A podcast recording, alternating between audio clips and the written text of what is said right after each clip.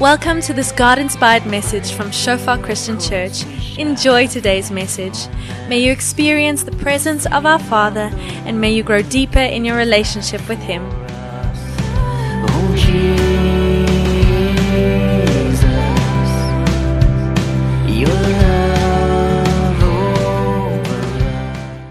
Die elektriese heining. Okay, nou die daar was nie elektriese heinings om die muur van Jerigo of in in Jerusalem nie, maar ons gebruik hierdie term en dis eintlik iets wat ons 'n rukkie terug uh, al begin gebruik het in ons gemeente in 2015, dis die eerste keer hieroor gepraat. Ons praat van die elektriese heining as hierdie idee dat die Heilige Gees met jou praat wanneer iets op die area van jou hart kom wat nie daar hoort nie of wanneer iets wat belangrik is in jou lewe so half besig is om verby daai draad te beweeg na die buitekant toe. Ons ons glo dat God praat, ons glo die Heilige Gees gesels en ek wil hê vanoggend jy moet hierdie idee van hierdie elektriese heining in jou kop hê. Jy weet ek weet weet nie wie van julle het baie duwe by, by, by julle huisie maar hulle word gereeld, hulle ken die elektriese heining waar ons gebly het dan kry die duif net so zap en dan vang my hond hulle en ek het 'n Great Dane. Sy beweeg baie stadig, maar sy duwe op duwe op duwe gevang want as hulle so deur die heining probeer kom of te lank op dit sit of ek weet nie wat hulle doen nie, dan is hulle so bietjie van balans af en dan zap sy vir hulle. Nou op dieselfde manier as jy jou hart oop hou voor God, dan gee hy jou die vermoë of die Heilige Gees praat met jou en jy besef, "Ag, oh, hier's iets aan die gebeur." Hoe voel ek soos ek voel? Ek voel ongelooflik gefrustreerd. Ek voel kwaad. Ek voel bly. Iets voel nie, iets voel nie reg nie. Ons het nou die vorige 3 weke gepraat oor um, om die stem van God te hoor en ons bou so klein bietjie op dit aan. Jy het 'n elektriese heining in jou lewe. Wil vir ons lees Romeine 12 vers 1 en 2. Nou wil ek julle baie ernstig vra, broers en susters, as julle dink aan alles wat God in sy groot barmhartigheid vir julle gedoen het, gee dan julleself aan hom as 'n lewende heilige offer. God wil jou lewe hê. Die soort offer waarvan hy hou en wat julle diens aan God werklik sinvol maak. Moenie julle leefstyl aanpas by die gedragspatrone van hierdie wêreld nie. Maar laat God julle omvorm deurdat hy julle denkpatrone vernuwe, dan sal julle goed kan onderskei wat hy wil hê julle moet doen. Ons daai draad. Ek wil hierdie doen. Ooh, daar skuif iets in my. Wat was hierdie rede? Hoekom voel ek moet stop? Herinner my aan 'n skrif dalk situasie. Wat wil u vir my sê? Want ek wil kan onderskei wat u wil hê ek moet doen. Nou, ek wil net so vinnig op 'n op 'n reis gaan oor wat ek nie bedoel, maar die skrif definitief nie bedoel met hierdie nie. Daar's 'n hele beweging in die wêreld wat sê jou brein en jou gedagtes is basies God. Okay? En mense kry nonsens soos hierdie daar buite en Christene wat nie beter weet nie, sal hierdie goed kwoteer en post. Kan ons daai volgende skyfie opkry? Ek screenshot hierdie images van 'n geldmors om dit te koop. So daar staan if you think it, you can do it. Okay, dit seker tipe goed. Think good thoughts and good will find you. Jesus moes baie slegte gedagtes gehad het op die kruis. Jy weet. Think good thoughts, say nice things, do good for others, everything comes back. Nou daar's 'n beginsel daar. Dis die probleem met hierdie met hierdie baie skyn uh uh uh kan ons amper sou sê doktrines wat ons gedagtes vang is daar's 'n mate van waarheid jou gedagtes is belangrik dis wat die skrif nou net gesê het maar jou gedagtes is slegs belangrik en relevant as jy dit rig op God. As jy op dit steen om God te wees gaan jy kort skiet. Dis die verskil. So wat daar gebeur het is iets wat belangrik is is in Engels sal sê geidolize bo God. Okay, so mense sal praat soos jy moet goed in die in die heelal inpraat. Jy weet speak it into the universe. Ek kom by die hospitaal aan nou die dag en Christene vat hierdie goed aan. En daar's 'n ou, hy's 'n hy's 'n gelowige in hierdie dorp. Ek weet hy's 'n gelowige want ek het want sy antwoorde het weggegee. Hy het ingekom en het gesê Ek's by die hospitaal want my ma het kanker. Ek vra vir hom Is jy okay? Ja, dis klaar genees. OK. So wat hy geleer het of wat die denkpatroon ingekom het is ek mag nie sê my ma het kanker nie. In die oomblik as as ek dit sê, dan gee ek dit krag. Daar's daar's iets daar in Christenkring. Ons moet net pas op hiervoor. Jesus kan jou net help as jy weet waar jy is en wat jy is. Hy kan jou net genees as jy realisties en werklik is oor wat aan die gang is in jou hart. As jy regtig sukkel met pornografie, dan die beste ding wat jy kan doen is om te sê ek sukkel met pornografie. Nee, nee, ek sukkel nie daarmee nie, ek kap dit af en ek gaan aan. Dit dit is net nie Bybels nie. Want jy leer om alleen te praat. Reg, die realiteit is daar's 'n situasie in my ma se liggaam wat ons almal se harte breek. Nou gaan ons God aanroep. OK. So ons moet baie pas op vir die skyn die skyn evangelie rondom gedagtes en goed. Want en seker maak dat ons bring dit onder die wil en onder die woord in. OK. So as ons vandag sê vernuwe jou gedagtes, asseblief moenie huis toe gaan en sê very sê jy moet al hierdie goeie goed dink en goeie goed met jou gebeur het. Wat ek vir jou sê is rig jou gedagtes op God dat hy vir jou toedeel wat hy vir jou wil gee want dis die beste ding vir jou lewe. Hy is God. Amen. OK. Jammer vir daai. Maar dis amper so half 'n uh, geestelike superstisie, jy weet, gedagtebeheer en daai tipe van goed. Ons is hier om Jesus te, te dien en ons gedagtes moet die knie buig voor wat die Bybel sê Jesus is. Amen. Right, kom ons gaan aan. Nou, ek van die Engelse um, die Engelse voorbeeld hier om 'n eenvoudige rede gebruik hierdie definisie van die Afrikaanse woord verskil. Hulle gebruik 'n die woord vir stronghold in die Bybel in Afrikaans is vesting, rotsvesting, bergsvesting. So ek gaan net gaan met stronghold. Want ons praat van hierdie idee van jou hart, jou lewe is iets, is dis is iets wat joune is. Dis 'n terrein waaroor jy autoriteit het en ons wil hê jy moet rondom hierdie terrein 'n elektriese draad hê, geestelik gesproke, sodat jy 'n goeie rentmeester kan wees van wie en wat jy is, jou terrein, reg? Nou 'n stronghold in die Bybelse tyd beide in die Ou en die Nuwe Testament baie interessant. Dit sê it's an area where most people have the same beliefs values an area dominated by a particular group. So 'n vesting in die Bybel kan wees 'n groep mense wat dieselfde ding glo. Okay? Dis 'n geestelike vesting. Maar dit kan ook wees 'n fisiese plek where members of a military group stay and can defend themselves against attacks. So 'n vesting kan geestelik wees. Hier binne is daar 'n geestelike vesting wat sê Jesus is die koning oor hierdie plek. Enige ander gedagte kom in teen hierdie vesting en ons moet besluit gaan ons die nuwe koning aanvaar of gaan ons staan en sê nee, hierdie vesting sê Jesus is koning. Dis 'n geestelike vesting, reg? Maar die Jerusalem is 'n geestelike vesting. Ag, is 'n fisiese vesting. So Nehemia gaan terug om letterlik die mure te bou. Sy hart was gebreek toe die mense teruggaan en sien maar die die die, die muur is gebreek.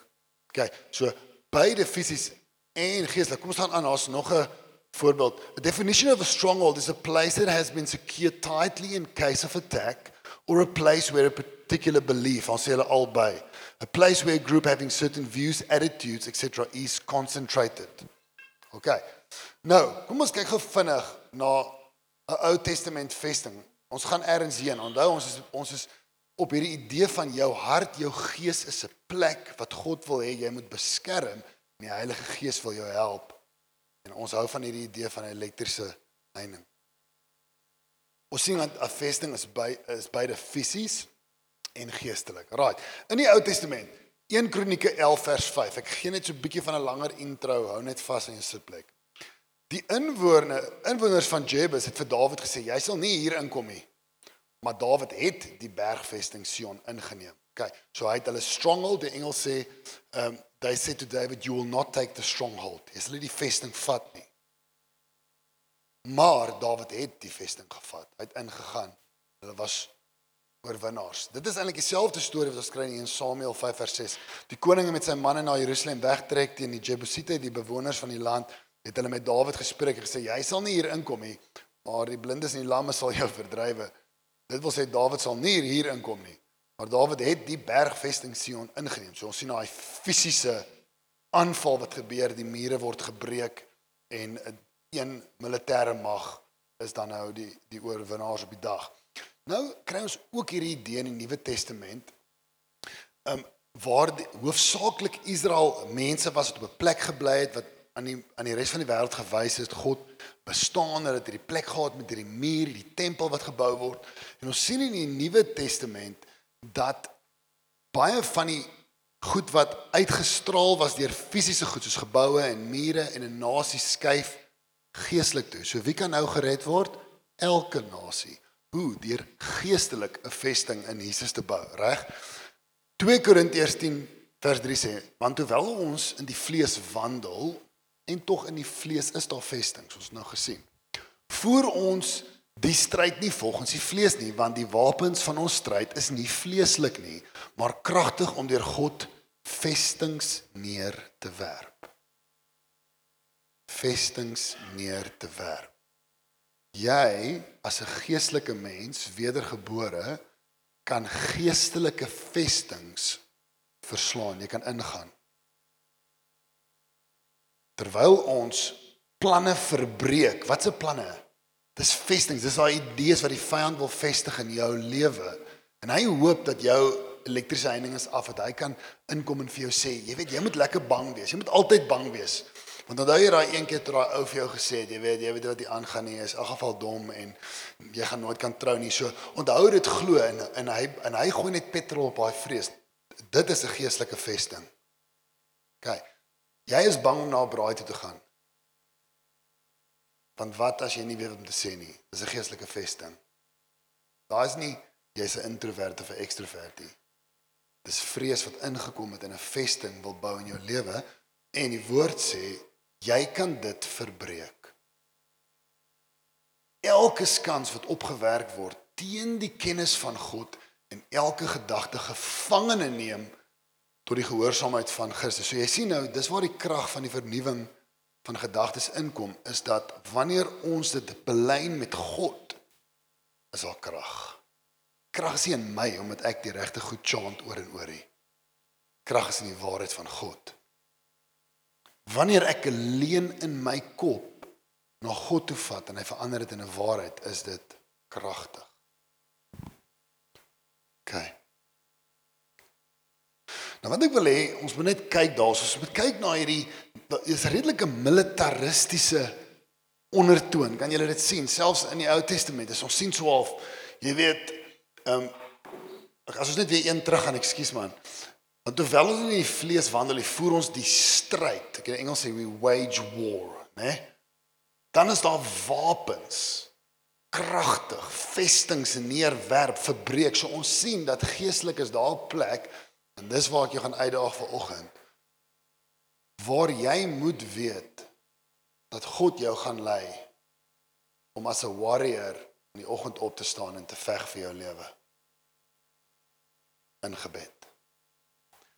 Daar's 'n plek in jou lewe waar jy die Here ervaar as naby en liefdevol en jy weet jy jy sê vir jou vriend wat saam met jou dalk bly en hy sê ek, ek ervaar die Here se liefde en en in ons huise en dan sal dan sal 'n tyd wat jy vir daai selfe vriend sê Dis nou, dis 'n oggend van oorlog. Wil jy nie my kom help nie want hier's iets ek meen ek voel die gedagtes wat ek kry, daar's daar's iets wat teen my kom en dis nou tyd om op te staan en te weet jy's 'n warrior en dat hierdie militêre taal is iets wat die Here ook moet aan die brand steek in jou eie gebedslewe. Amen. Nou, as ons weer Romeine 12 vers 2 lees, dan sê dan staan daar maar laat God julle omvorm deurdat hy julle denkpatrone anakinosis, dis die woord daar. En daai daai is renewing your mind of vernuwe. Dis daai woord anakinosis. En wat daai woord beteken is jy moet dit gaan renovate.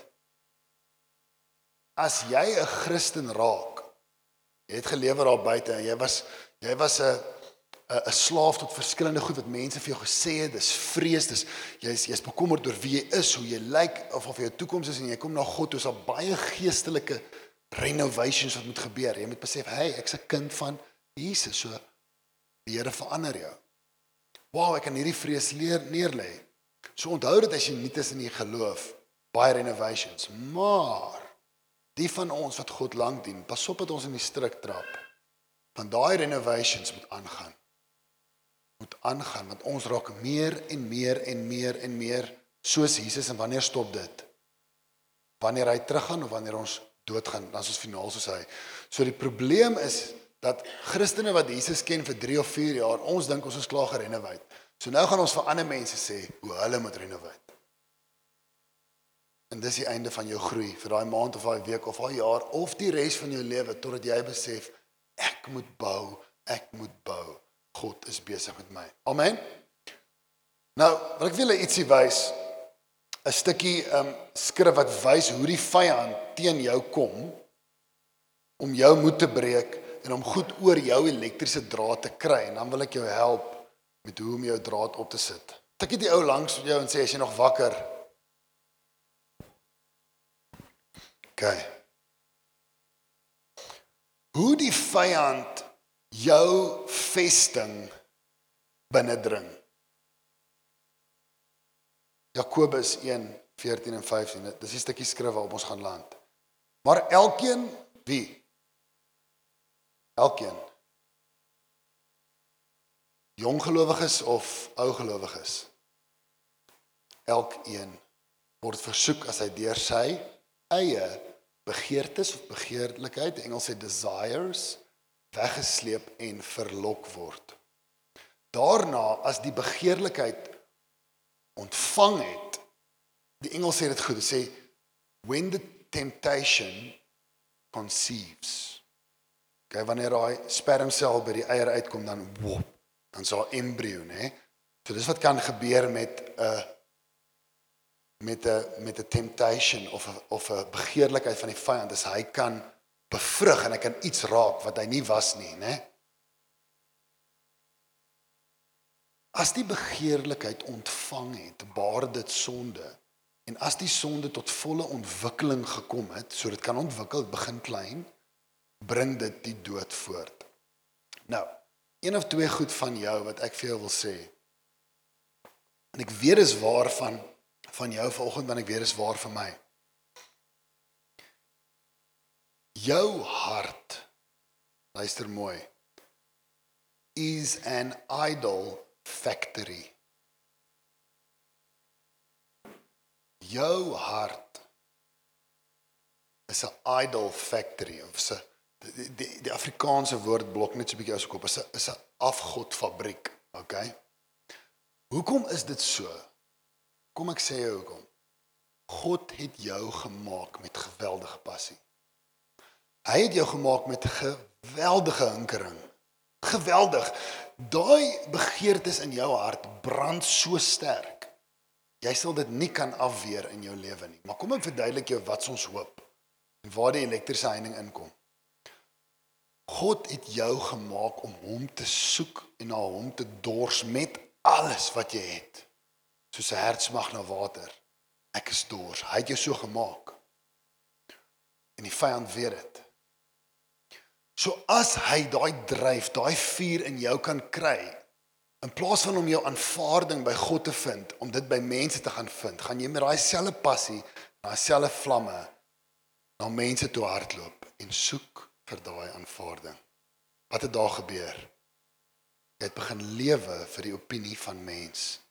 Jou hart is 'n idol factory. Jy gaan God vind met daai passie of hy gaan jou elders neem. Kom ons praat oor seksuele intimiteit. Wie het jou so gemaak? God. Sodat jy 'n vrou kan ontmoet, haar kan eer en lief hê soos Jesus lief is vir die kerk haar omvou. Sy verloor haar bene, arm en haar oor en jy hou haar aan lief hê want dis hoe jy lyk geestelik en Jesus byt vas aan jou, né? Sodat binne daai huwelik die gees die seksuele begeertes kan uitgeleef word en opwys na God. Maar as die vyand ons kan kry en ons in die struik kan kry en vat ons daai selfe begeertes Dit breek ons lewe in flardes. Jou hart is 'n afgodsfabriek. Jy gaan God vind of iets anders. Amen. God het jou gemaak om 'n rentmeester te wees, die eerste man op die aarde, Adam, heers oor hierdie diere, grootste boer in die geskiedenis van die wêreld. 'n Boer met olifante, dinosaurs, daalworks, okay? God hou daarvan dat jy 'n rentmeester is. Kom ek sê vir jou iets, God hou daarvan dat jy 'n salaris verdien.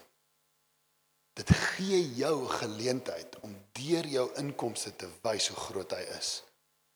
God is nie teen geld nie. Hy's vir dit. Maar wat gebeur as daai passie vir die inkomste boor hom begin brand? Dan lei dit ons weg.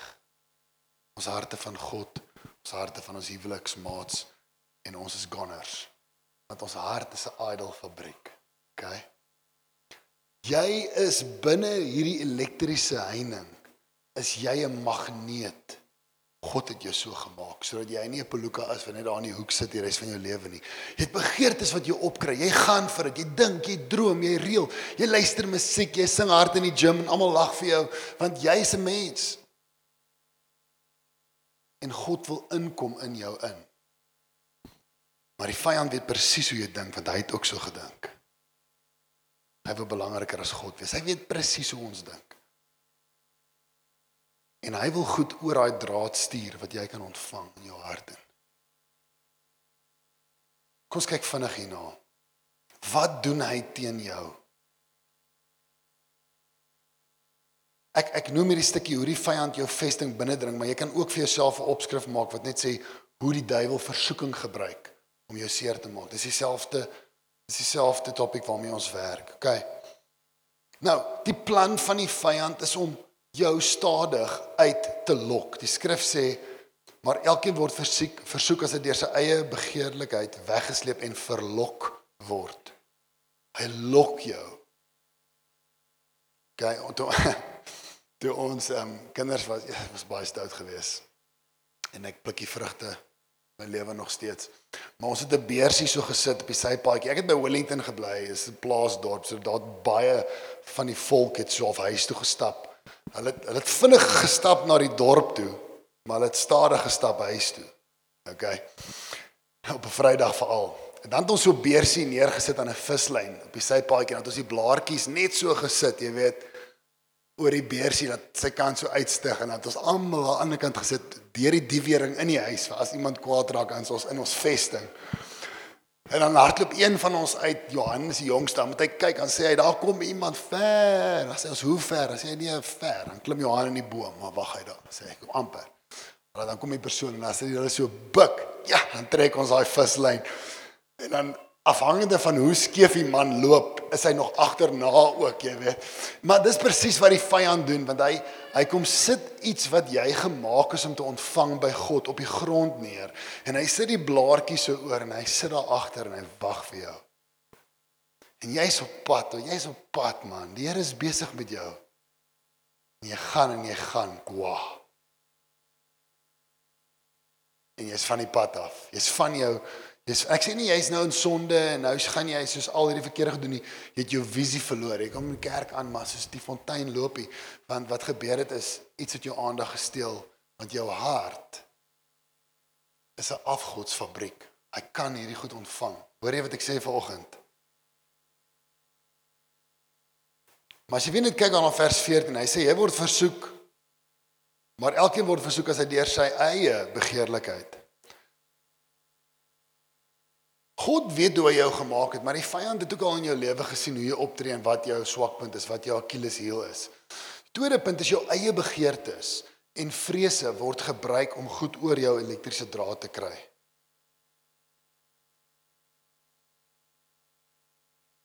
Dit is die tweede punt.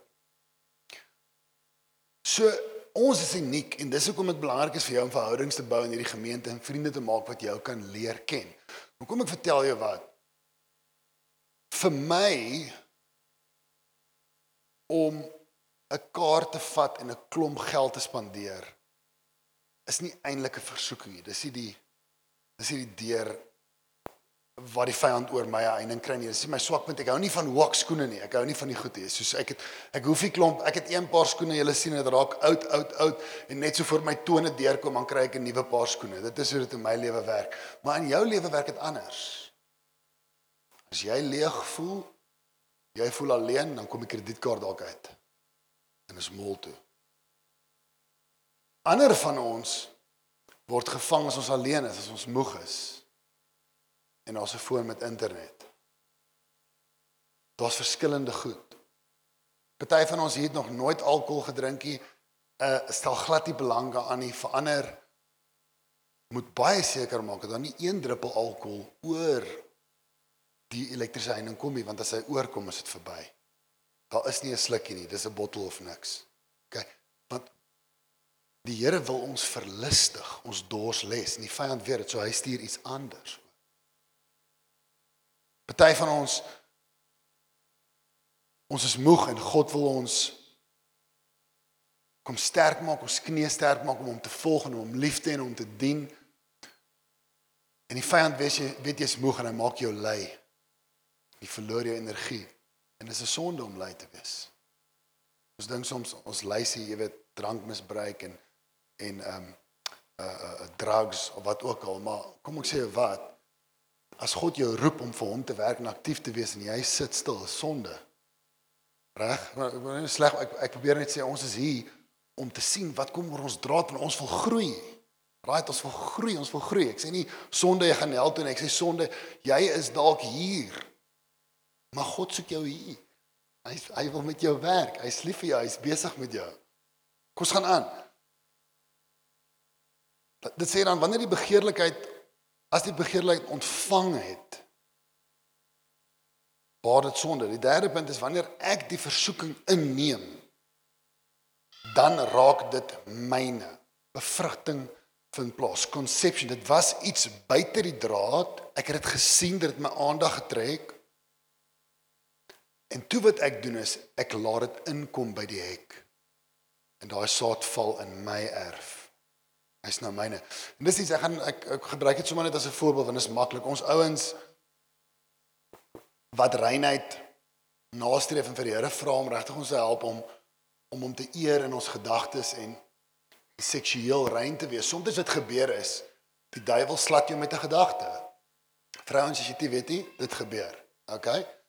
Soos wanneer jy aan daai walkskoen dink, so iets. Nou, wat gebeur is die gedagte slat jou en jy voel onmiddellik skuldig. Maar die oomblik as die versoeking jou tref, is hy nog nie binne jou kampie nie. Jy het hom gesien. Wat doen jy nou?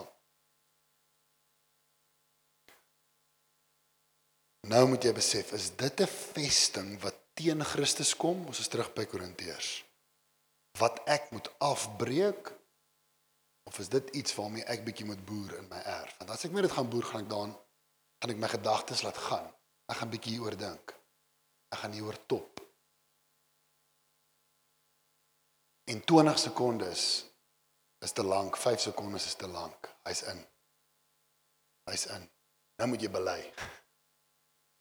Maar as jy hom sien, kan jy hom net wegdruk. Sê Here, ek wat ek nou ervaar dis U nie. Jy bly buite. Geen belydenis nodig nie. Bly buite. Jy gaan aan. OK, as al patroon in jou lewe is, jy heeltyd die TV-program kyk waar die mense in die klere aan het, he, dan moet jy dalk bely want jy's besig om sistematies gate in die draad te maak. Dis hoekom jy heeltyd gedagtes kry. So bely van daai ding en maak toe, sit af, sit weg, OK? want jy kan hom ontvang en dan raak jou nou reg nou ek gooi nou die mans onder die bus of nie onder die bus ek leer julle almal hoe ons werk hoe ons dink maar dit is verskillend vir baie van ons. Maar weer eens is maklik om te sê ja jy weet ek het ek het gestap en toe voel ek ek's lus vir 'n bietjie dagga want dis wat jy voorheen gerook het. En om te praat oor seksuele sonde sonder is maklik maar kom ons praat oor die trots en die jaloesie in jou hart. Praat daaroor vir 'n oomblik. Want jy kry daai gedagte van jaloesie en die vyand wil net hê jy moet dit vat want God het iets daarvoor. Dit is ek aanvaar jou ek is lief vir jou net soos jy is. Vind jou identiteit in my. Dit is wat daai dors les. Maar daai oomblik van jaloesie kom oor jou. Jy vat dit en jy sê vir die persoon langs jou, "Yes." Daai persoon wil ek pappa in. Hy's in. Hy's in. Saadjie het geval. Daarin kom die gees laat jou besef is jaloesie. Sê Here, hoekom voel ek soos ek voel? Daar's trots in my hart. Ek wil ek ek wil eintlik beter as daai persoon wees, maar nou sien ek hulle doen goed. Hulle het die werk gekry, hulle het die promotion gekry, die hoof het vir hulle gesê baie goed. Die werk het vir hulle 8 uit 10 gegee, maar ek voel ek het die werk gedoen. Here, wat erf, wat ervaar ek hierso? Stoor dit uit. Jy sien jy is baie baie spesiaal gemaak. Baie baie spesiaal. Jy is baie diep. En ons moet nie net in die vlees wandel nie, maar in die gees begin bewus raak van wat oor ons lyne kom. Amen. Romeine 12 sê as ons ons gedagtes kan vernuwe, as ons hierdie kan vang, dan kan ons 'n lewe leef wat God bly maak. As ons hierdie nie kan doen nie, gaan ons in die modder bly sit. Skrif sê dan wanneer die begeerlikheid ontvang het, baar dit son. Aan die ander woorde dit iets word gebore. Dan kom ek verduidelik jou hoe dit werk in 'n huwelik. Ek weet want ek is ook getroud. Ehm um, So wat gebeur is jy kom, kom ek kan ek kan ek maar die die vrouens as 'n voorbeeld gebruik. Nicoline reg met jou. Nicoline is reg en is dit reg. OK. Jy tel kompetisie op tussen jou en 'n vriendin. Jy laat dit toe. Jy sit daai saadjie neer, jy praat daaroor, jy top daaroor, jy deel met ander mense daaroor.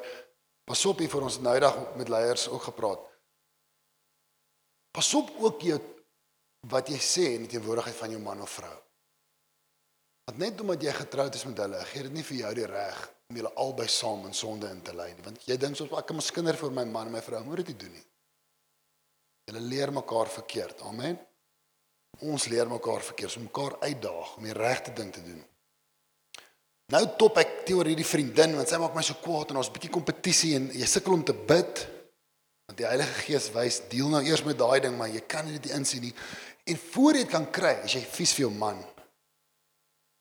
Want jy jy kan nie 'n hart hê vir elke mens op die aarde. Jy het een hart. Een. So wanneer jaloesie die een hart vat wat joune is, vat jy vir hom saam. Nou sit jy en jou man tension, jy en jou ma, skoonma, eerste, jy weet altyd 'n rede. Maar iets word gebore. En gewoonlik dra dit vrug in die vorm van krapperigheid. En ek's krapperig vandag. Iets is nie lekker hier nie. Weet jy wat wil God doen? Hy wil vir jou vat in jou erf en jou help om goed buite die heining te sit wat ingekom het. Amen.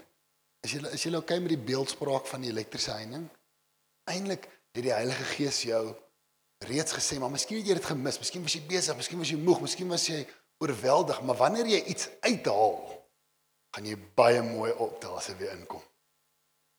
Dis amazing. Die Here help ons want hy groei ook met ons en hy's hy's vriendelik met ons en hy ja, hy het baie geduld met ons. Laaste ene wat dan gebeur is dit bring dood voort. Okay, so die resultaat die resultaat die resultaat is dood en verlies. As ek konstant iets oor my heining oorlaat en laat groei wat nie daar moet groei nie, gaan goed doodgaan. Goed in my erf. As hierdie onkruid groei, gaan daai boom dood. Ek ons kan dit nie heeltemal eenkant toe skuif die feit dat daar 'n geestelike dood kan gebeur in 'n persoon as jy hart so hard so hard so hard raak om van God af weg te draai, die heininge af te breek en te sê ek stel nie meer belang nie. Dit is dit dit dit kan ook gebeur, maar vir elke klein saadjie wat nie daar moet groei nie, sterf iets anders. Okay? As jaloesie gaan blom, gaan liefde sterf. Al is dit vir daai week of vir daai maand, wil ons dit hê? Nee. As ek vrees gaan toelaat. Wat wat gaan gebeur is dit gaan my paraliseer om vir God te gaan en groot goed van doen, want ek's bang. So wat het gesterf? My vermoë om uit te reik en liefde te versprei, want ek's bang. So ons moet hierdie goed uitkry, hierdie vernuwe aan die gedagtes. Ek het gesê ek gaan vandag hard kom, so ek gaan nou nie terug nie. So wat doen mens nou hier? Dis die vraag. Ek ek sluit af. Wat doen mens met hierdie inligting? Ek voel 'n bietjie oorweldig. Kom ek sê vir jou wat gebeur het. Hoe mense al hiermee gedeel het wat nie God se plan is nie. In die 2de eeu Okay, baie van die apostels is dood so aan die einde van die eerste eeu. Okay? Tweede eeu probeer die mense Jesus volg. Met die afsterwe van die apostels was die ouens baie op hulle sene wees want hierdie ouens het saam met Jesus gestap. Hulle het hom geken. Hulle kon sê Jesus het gesê. Dis hoekom hulle geskrewe goed in die Bybel is. Hulle kan dit oor en weer myself mekaar verifieer en die Heilige Gees gesê hierdie is die Bybel. Daar was baie ehm um, boeke van die Bybel wat nie boek van die Bybel nie, maar baie kerkvaders direk na die apostels se dood het ook geskryf briewe aan mekaar en is van die goed is baie mooi, maar dit is nie in die Bybel nie. Dit is nie die apostels nie. Die apostels het gestap saam met Jesus. Die laaste apostel sterf.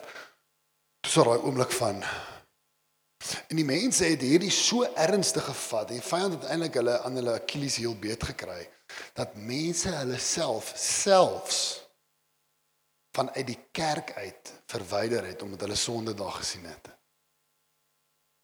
En mense het gaan bly in grotte.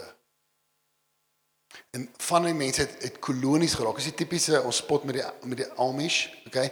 Daai tipe van beginsel. Christen kolonies het weggekom van waar daar geld was. Het weggekom van waar daar prostitusie was en hulle het gaan bly in in grotte en hulle eie gemeenskappe probeer vestig. Een van die reëls was geweest daar was 'n vader en jy doen net wat hy sê want hy het lank genoeg gedink en gebid. So dit was so 'n bietjie van 'n brainwash storie en dit was als gewees om weg te kom van hierdie af om die draad te beskerm. Daar was 'n groep mense, jy gaan dit nie glo nie, wat geweier het om te slaap of enige iets te besit vir die moontlikheid dat dit hulle harte kan vat.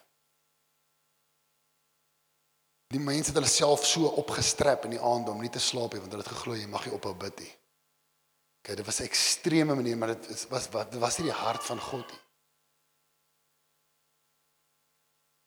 Dit was aan die een kant. Ek sal myself van alles en almal verwyder, los my uit. Maak myself toe. Ek wil niks sien nie, niks hoor nie. Niemand met niemand praat. Ek wil nie iemand sien wat my moontlik kan jaloers maak nie. Ek wil nie ek wil nie 'n salaris ontvang nie. Ek wil alles wat ek het weg hê. Ek wil gaan sit onder die brug want nou nou nou nou vat dit my hart. Aan die ander kant het mense gegaan en gesê nee nee nee, dis dis belaglik. Kom ons wees net soos die wêreld.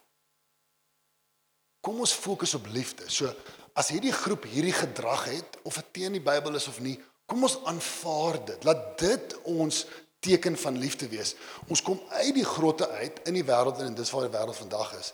En ons aanvaar alles en almal. As 'n ou nou op Twitter sê hy wil met sy hond trou, beloof ek jou, daar gaan 'n klomp mense sê dis so pragtig. Ons ons ondersteun jou want jy mag lief hê, jy weet, liefde wen en love wants what it wants en go for it. Want dis waantoe ons beweeg. Ek weet dis 'n ekstreme voorbeeld, maar jy kan nie meer vir iemand sê, "Hey, daai gedrag is iets oor jou draad wat jy gaan seermaak hier want jy mag nie vir mense iets sê nie." So aan die ander kant moet ons als aanvaar, is ook nie God se hart nie. So wat is God se hart? Wat doen ons ver oggend met hierdie Hoe span ons ons elektriese heining in? En ek wil dit vir jou opsom in twee punte vanoggend. Wat ek wil hê ek en jy moet deurbid. Jou elektriese heining funksioneer goed. Nie as jy in 'n grot sit nie, okay? Gaan niemand help nie.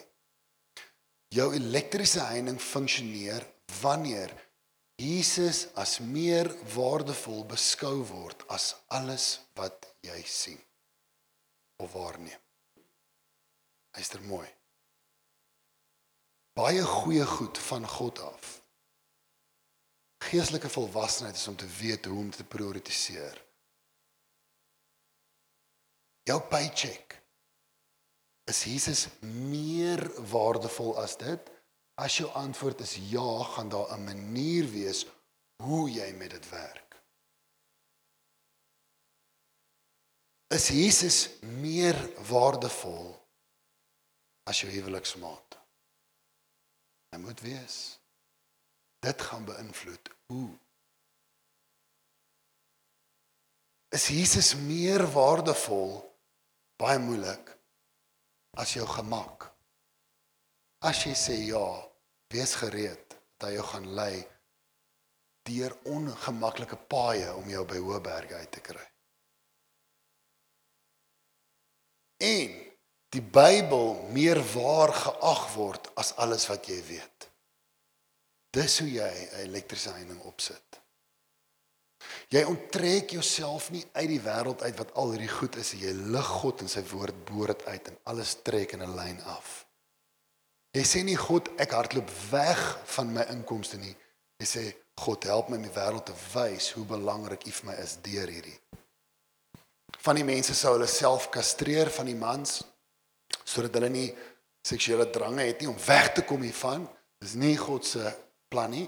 Sy plan vir jou is om deur die drange wat hy in jou gesit het, die geeste vra om jou te lei op so 'n manier dat hoe jy jouself in 'n huwelik uitleef na God wys sodat die mense kan sien God is meer waardevol as hierdie drang.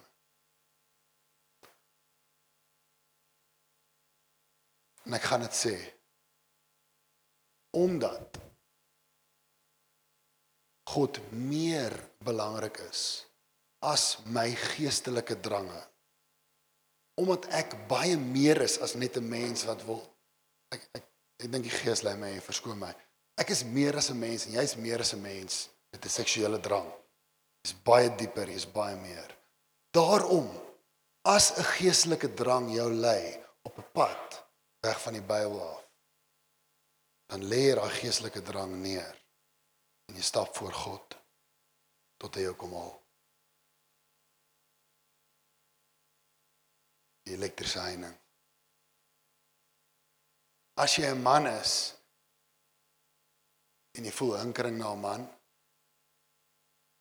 dan lê daai hinkering neer en jy stap as 'n alleen man tot die einde toe.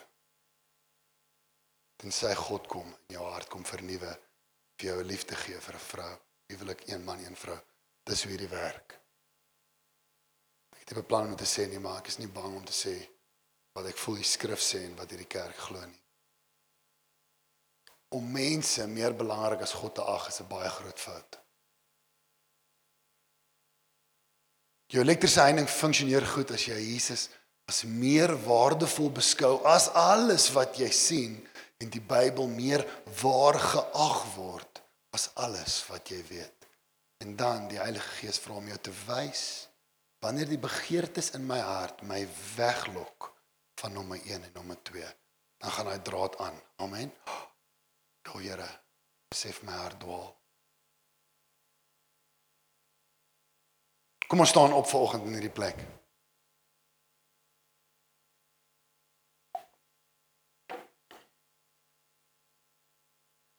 As ons daai laaste skyfie kan op en nommer 22 sal dit great wees.